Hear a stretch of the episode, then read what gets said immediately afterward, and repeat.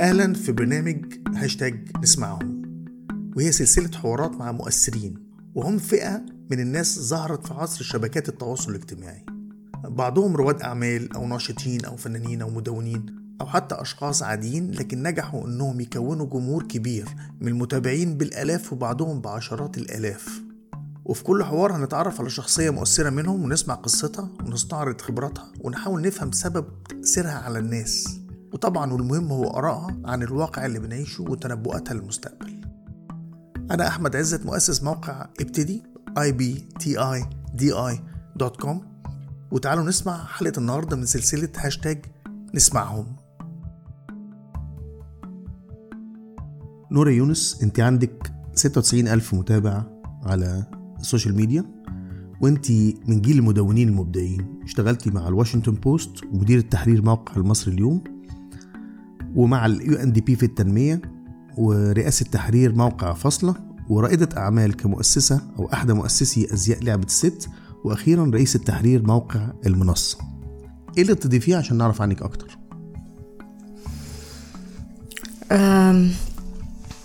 أنا أم كمان لطفل عنده آه، 8 سنين. واشتغلت حاجات تانية كتير. آه، أنا بشتغل من وأنا عندي 18 سنة. آه، اشتغلت أول شغلانة tour operator في شركة سياحة في وسط البلد. وبعدين اشتغلت آه، مديرة مكتب آه، آه، مدير مدرسة أمريكاني. وبعدين اشتغلت آه، في ال reservations في فندق كونراد. وبعدين اشتغلت في ال UNDP وبعدين اشتغلت في NGOs كمان في منظمات مجتمع مدني. طب ممكن تحكي لي عن نشأتك؟ أنا كنت في مدرسة تجريبية أه، يحيى الرافعي للغات في مصر الجديدة.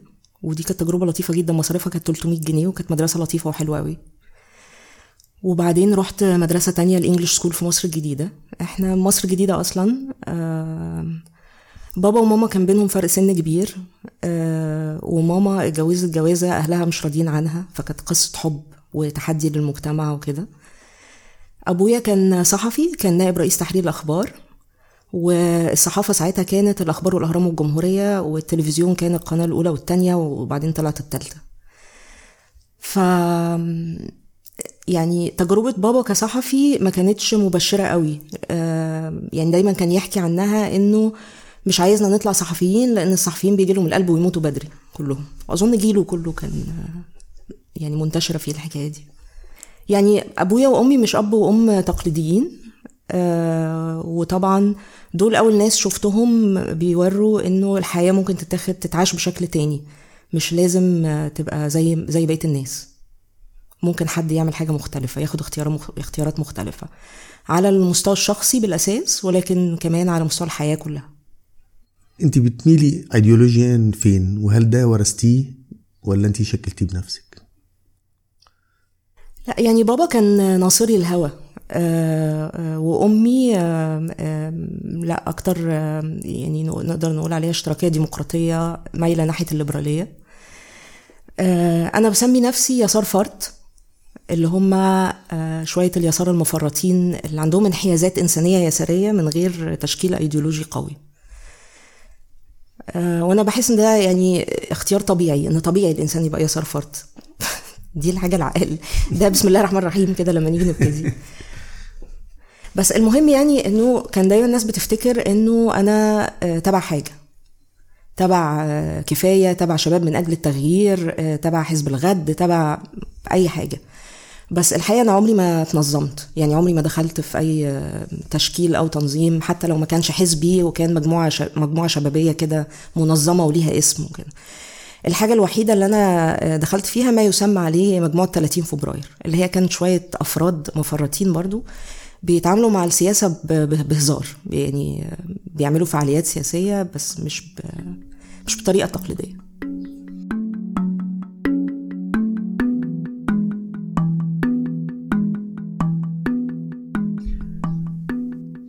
ممكن تحكي لنا عن تجربتك كمدونة وامتدادها للصحافة؟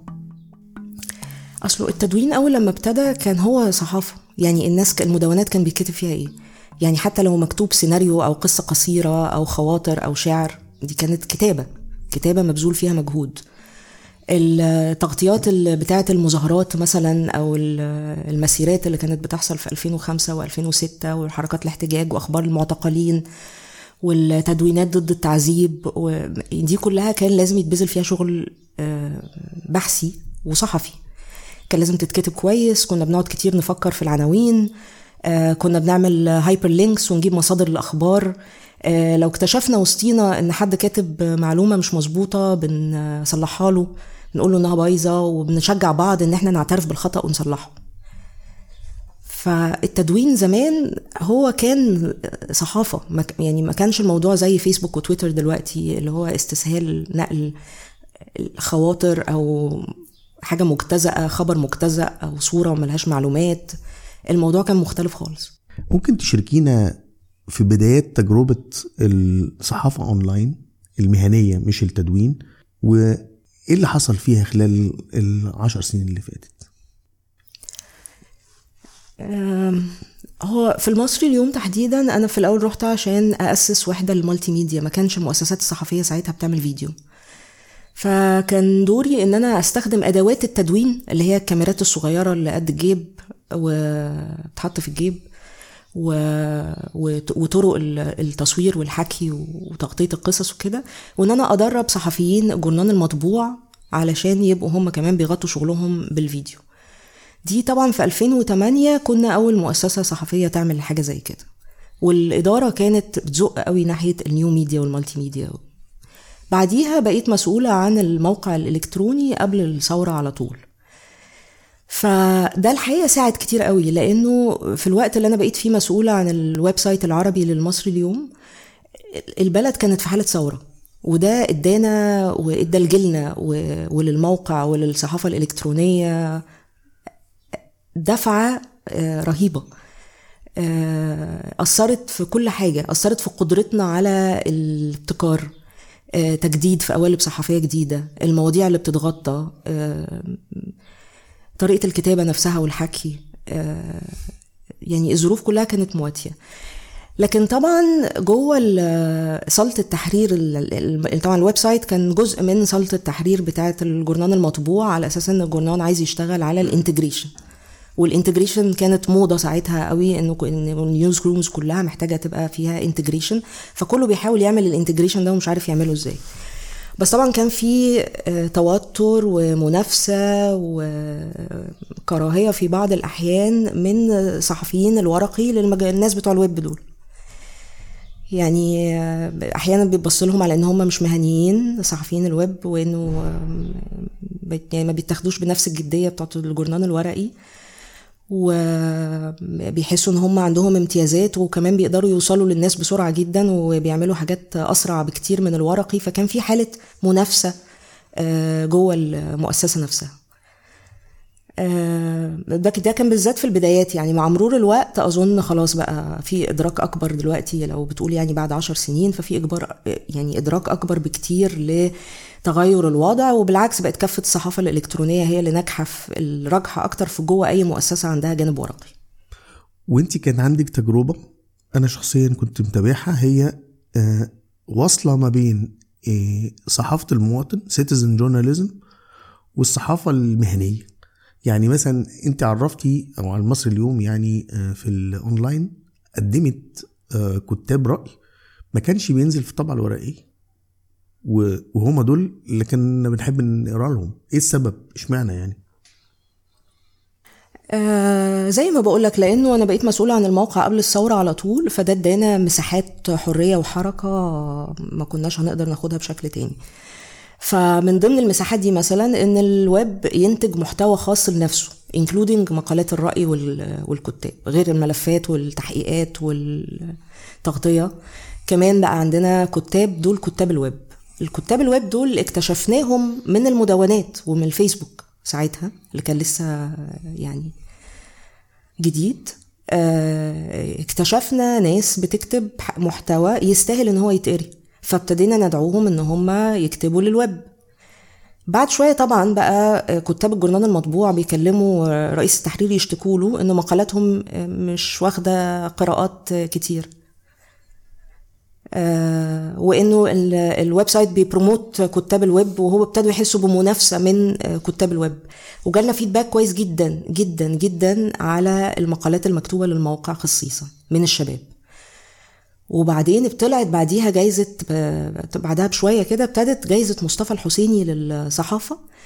يبقى فيها دايما ثلاثة من مقالات المنشورة على المصري اليوم مثلا واخدين جوائز. فده كان ريكوجنيشن واعتراف وتقدير آه، مهم. لأنه في الحقيقة إحنا يعني قعدنا سنين بن المدونين دول بينشروا محتوى ممتاز على موقع المصري اليوم. لكن الجورنال الورقي عنده حساسية إنه ينشر ده عنده. ما هو لو إحنا مؤسسة و integration وإنتوا شغالين على ال integration معناها إنه الويب هيدي ال print وال print هيدي الويب. بس هو ده ما كانش حاصل في الحقيقة. هو بس إحنا كنا قاعدين جنب بعض في صالة التحرير.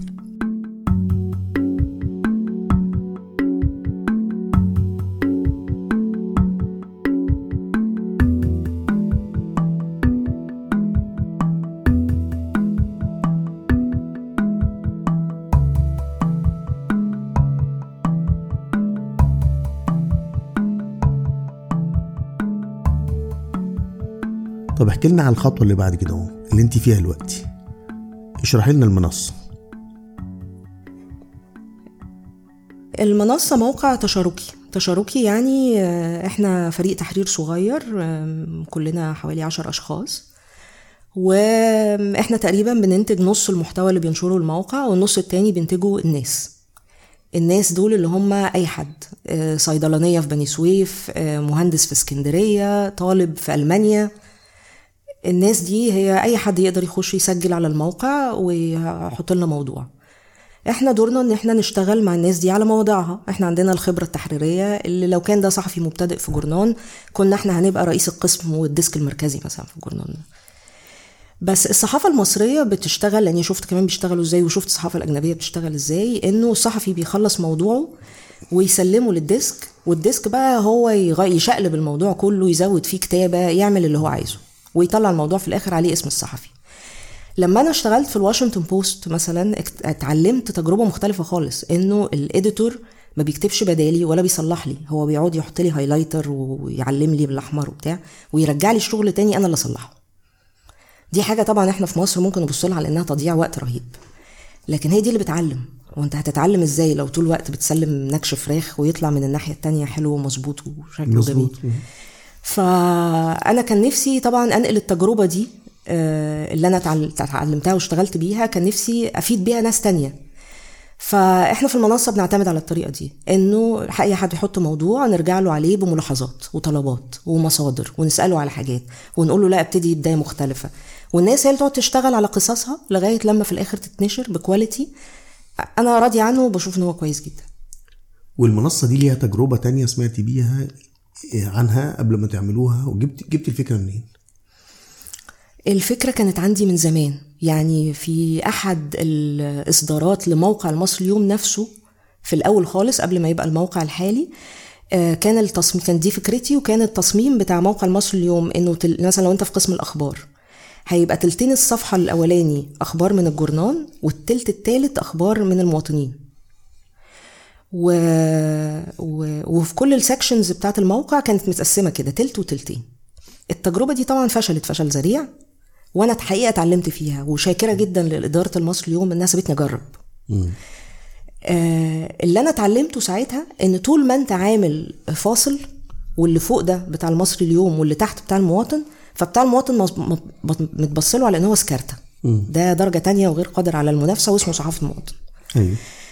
فدي آه، آه، المنصة قايمة بقى على إنها تنسف الفكرة دي تماما. هو مفيش حاجز مش هنفضل معلبين المحتوى بتاع الناس ده ومسميينه صحافة المواطن وبالتالي حاكمين عليه بال- بالفشل. فالمحتوى هو الملك ده يقول content is the king. تمام. فأنت لما تقرأ موضوع يعني مش مهم مش المفروض يفرق معاك مين اللي كاتبه. المهم الراجل ده كاتب إيه. وبعدين مع التضييق على الصحافة دلوقتي الناس عندها access مش عند الصحفيين. الناس اللي في أماكن مختلفة في في locations مختلفة في شغلانات مختلفة هم عن أقرب للقصص وأقرب لل- للحياة ولتجارب الحياة وللمشاكل اللي في البلد منا كصحفيين. بس إحنا في عصر نخبوي يعني بحب أقرأ الكتاب. هل ده هيتغير عندي إن أنا هقرأ لمواضيع؟ آه لا أنا رأيي إن الصحافة آه حرفة بس مش كهنوت. يعني كل الواحد محتاجه إن هو يبقى عنده باشن بيحب الموضوع ده. آه ويقدر يحترف الموضوع ده من خلال التدريب والحب والممارسة والشغف. طول ما هو شغوف بيه هيقدر يحقق فيه حاجة. آه لكن أنا تقديري إنه الصحافة مش كهنوت مش لازم تبقى حكر على خريجين كليات الإعلام والمقيدين في نقابة الصحفيين واللي بيشتغلوا في جرايد ورقية واللي اتدربوا على إيد الأستاذ فلان الفلاني والأستاذ علان العلاني مش شرط خالص. آه وأظن إن إحنا قدرنا نثبت عكس كده على على مدى وقت طويل يعني طول العشر سنين اللي فاتوا بيطلع ناس مش مش بالأساس صحفيين. هل بقى دول ما فيهمش كتاب؟ لا ما انت ما إحنا كنا بنتكلم دلوقتي على الكتاب بتوع موقع المصري اليوم ما كانت الناس بتقرا لهم بشكل مستديم وهم كانوا في الأصل من بلوجرز إيه منظورك للصحافة خلال العشر سنين اللي جاية؟ إيه اللي هيحصل فيها؟ ده سؤال صعب قوي يعني لو هنتكلم على الصحافة بتاعت العالم فدول في حتة وإحنا في حتة تانية خالص. مش عارفة الصحافة في مصر هيبقى شكلها إيه في 10 سنين طبعا. بس لو اونلاين آه يعني العالم مفتوح. الاونلاين بتهيألي ده هي يعني هيوصل الناس ببعض. العالم مفتوح بس المجال عندنا في مصر مش مفتوح. ما يعني البيئة بتاعت الإعلام في مصر دلوقتي بصراحة لا تشجع على الإبداع ولا التجريب ولا أي حاجة. الوضع خانق جدا جدا وتضييقات طول الوقت وقوانين وتشريعات من ناحية ومطاردات من ناحية والناس مش عارفة تشتغل في الصحفيين مش عارفين يشتغلوا في الشارع من ناحية. دلوقتي اللي بيصور بالموبايل واحد بيوقفه ويقول له أنت بتعمل إيه؟ مم. مش بكاميرات بقى وأدوات و...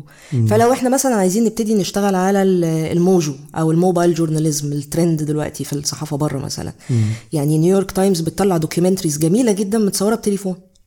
أيوه. طيب إحنا لو حاولنا نعمل ده بقى مع الناس مع مع المواطنين وندرب ونعمل ونشتغل على حاجة زي كده ونطلعها. الناس مش عارفة أصلا تمشي في الشارع وتتحرك في الشارع وتوقف واحد تسأله وتصوره وكده. دي يعني البيئة نفسها خانقة جدا.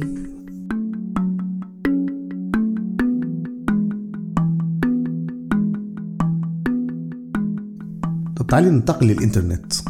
يعني أنا حاسس إنك انت من الناس اللي هي حياتك ابتدت مهنيه مع الإنترنت كمدونة. ممكن تقولي لي أنت ابتديتي تخش على الإنترنت وإزاي أثر في حياتك؟ آه ابتديت أخش على الإنترنت آه وأنا في أولى جامعة آه وقت أول شغلانه اشتغلتها. يعني آه لما روحت هناك آه سمع كنت سمعت عن موضوع الإنترنت ده فأقنعت مدير الشركة إن إحنا ندخل عندنا إنترنت. كان قبليها بيبعتوا فاكسات بيعملوا حجوزات بالفاكسات وكانوا الناس بره بالفاكسات وكده. فعملنا بقى جبنا اشتركنا وبتاع وجبنا المودم وظبطنا الحاجات وكنت تخش كده على black screen وتكتب عليها ATDP وبعدين رقم التليفون اللي هت connect عليه وتسمع التليفون بيرن وتسمع صفارة فاكس الناحية التانية وانت تخش بقى على الإنترنت. بس بعديها على طول جبت انترنت برضو في البيت آه قلت لماما يعني ودخلنا الانترنت في البيت. آه أنا ما بعرفش أحسب السنين قوي بس ممكن نقعد نفكر يعني ده كان سنة كام. بس يعني كان عندي 18 سنة ساعتها. وإزاي أثر في في حياتنا كلنا من وجهة نظرك؟ هو الواحد ما بيعرفش فعلا هو قد إيه مأثر في حياته إلا لما يبطله أنا حاسس إنه الجيل بتاعي أكتر قابلية لل إن هو يضحك عليه منكم. إن إحنا نتأثر بالإعلام الموجه أكتر منكم. هل ده لأن كنتوا يعني ما تعرضتوش لل اندوكترينيشن أو ال أو ال تعودتوش إن هو يبقى فيه خطاب موجه ليكم وتعودتوا انه تصدقوه عشان شفتوا حاجات بدائل كتير؟ ولا إيه؟ مش عارفة يعني زي ما بحكي لك كده أنا لما كنت مثلا في المدرسة كان حسني مبارك هو الرئيس وما كان عندنا القناة الأولى والتانية والتالتة وما كانش فيه جرايد غير جورنال دستور يعني بيقول حاجة مختلفة شوية. بس أنا كنت بنط من شباك الفصل وأشيل صورة حسني مبارك من على السبورة مثلا.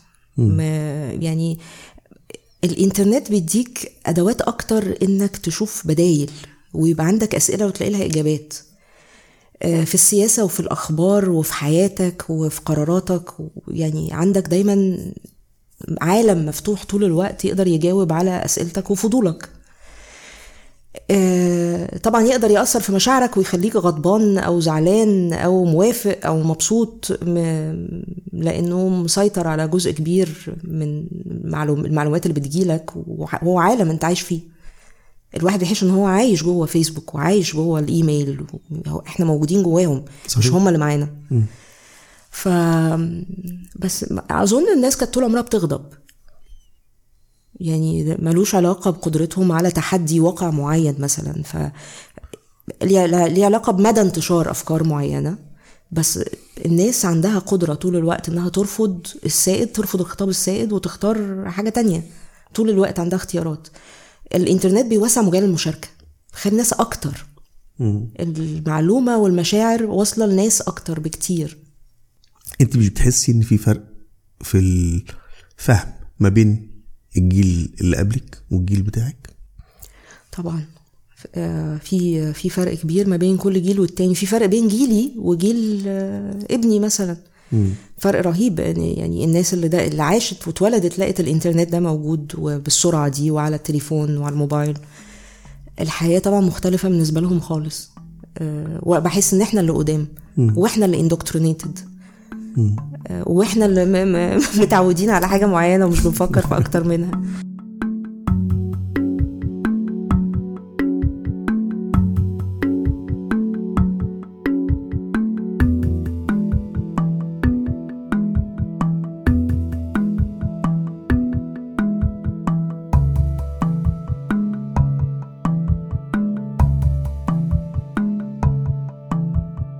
طب تعالى نتكلم عن المستقبل.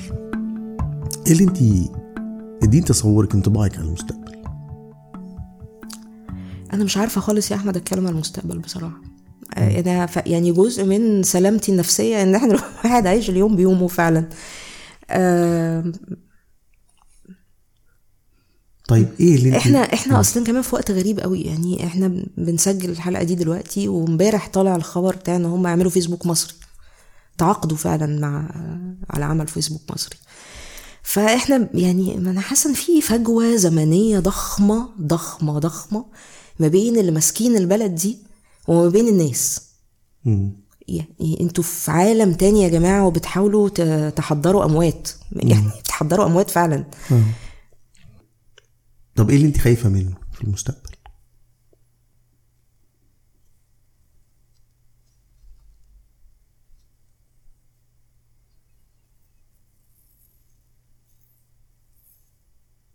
أنا خايفة الدنيا تقفل تقفل أكتر من كده. خايفة خايفة الناس تنسى. أه... تنسى اللي اتعلمته واللي شافته والخبرات اللي عاشتها في السنين اللي فاتت من الثورة لغاية دلوقتي. أه... خايفة الخطاب الظلامي اللي حوالينا ده يسود وناس أكتر تروح له. بخاف قوي قوي قوي لما بشوف الأخبار بتاعه آه، شباب آه، صغير cute آه، شعره curly متعلم تعليم حلو في جامعة أجنبية واختار يبقى داعش مثلا أو إرهابي بيصنع قنابل ويحط. الأخبار دي بتخوفني قوي. دي بتحسسني إنه اللي شاف ثورة وشاف انترنت وشاف عالم مفتوح وأخد فرصة كويسة في الدنيا وكان حظه حلو في الحقيقة ممكن برضو يختار اختيارات غبية. بخاف ما نرجعش نعرف نعيش مع بعض تاني زي ما كنا عايشين قبل الثورة وبعد وسنين الثورة. كن كنا عايشين مع بعض على اختلافاتنا وكنا مبسوطين بالاختلاف والتنوع ده. دلوقتي الدنيا قافلة وكل كل مجموعة وكل حد قافل على نفسه فقاعات منتشرة في كل حتة.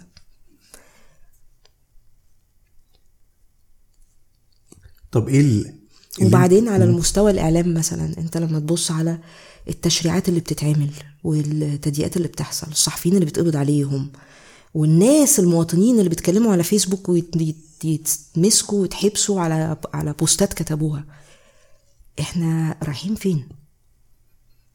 إحنا رايحين فين؟ أنا لما كنت صغيرة وبتنطط ومظاهرات وأصور وأمشي ومسيرات وبتاع كنت طول الوقت حاسة إن أنا هشيل وزير الداخلية. أنا هشيل رئيس الجمهورية أنا هعمل مش عارفة إيه. دلوقتي إحنا بنتعامل في وضع مجنون مجنون تماما تماما. ومجرد إن الواحد يحافظ على سلامته العقلية محتاجة مجهود رهيب بجد. إن إحنا بس نكمل. مين كان يصدق إن إحنا نبقى هنا النهارده؟ بعد ما يعني كان خلاص. عمداء الجامعات بالانتخاب والجرايد مؤسسات بتتقلب من جوه وبيتصعد فيها ناس صغيرة في السن وذكية وشاطرة والخطاب المحتوى التحريري ما عندوش سقف ومتجاهل القانون 100 اللي بيقول لك ما تنشرش حاجة فيها اسم المؤسسة العسكرية ده تم تجاهله بعد الثورة خالص م. إحنا زعنا بيان ضباط 8 إبريل من ميدان التحرير م. يعني أنا كصحفية مسؤولة عن موقع مصر اليوم نشرنا بيان ضباط 8 إبريل مين يقدر النهارده يعمل كده إحنا أنا مش قادرة أبص على المستقبل لأني حاسة إن إحنا بنرجع لورا طب إيه اللي بتأملي له؟ ال... هل انت هل انت متشائمة ولا متفائلة؟ وإيه اللي انت شايفاه ممكن يبقى يتحسن في المستقبل؟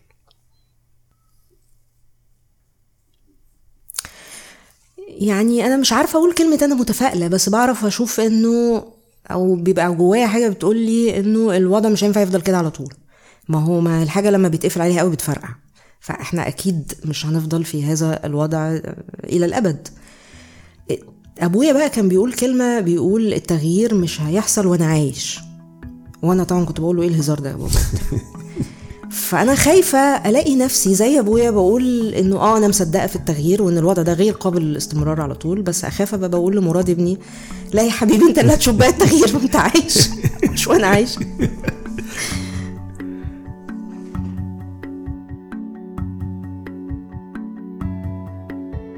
عشان نخطركم لما الحلقة الجاية تكون متاحة بندعوكم تعملوا subscribe لينا على iTunes أو Apple Podcasts أو SoundCloud ابحثوا فيها عن اي بي تي اي دي اي أو هاشتاج نسمعهم. توصلكم الحلقة الجديدة بدون مقابل على تليفونكم المحمول أو أي جهاز متصل بالنت أول ما نرفعها. وممكن تتابعونا وتشاركونا بالرأي على صفحاتنا على فيسبوك وتويتر وإنستجرام وكل المعلومات دي موجودة على صفحتنا www.ibtidi.com وأخيرا لو عجبكم البرنامج مهم تعملوا rating على iTunes وممكن تـ share وه. هاشتاج نسمعهم هاشتاج اي بي تي اي دي اي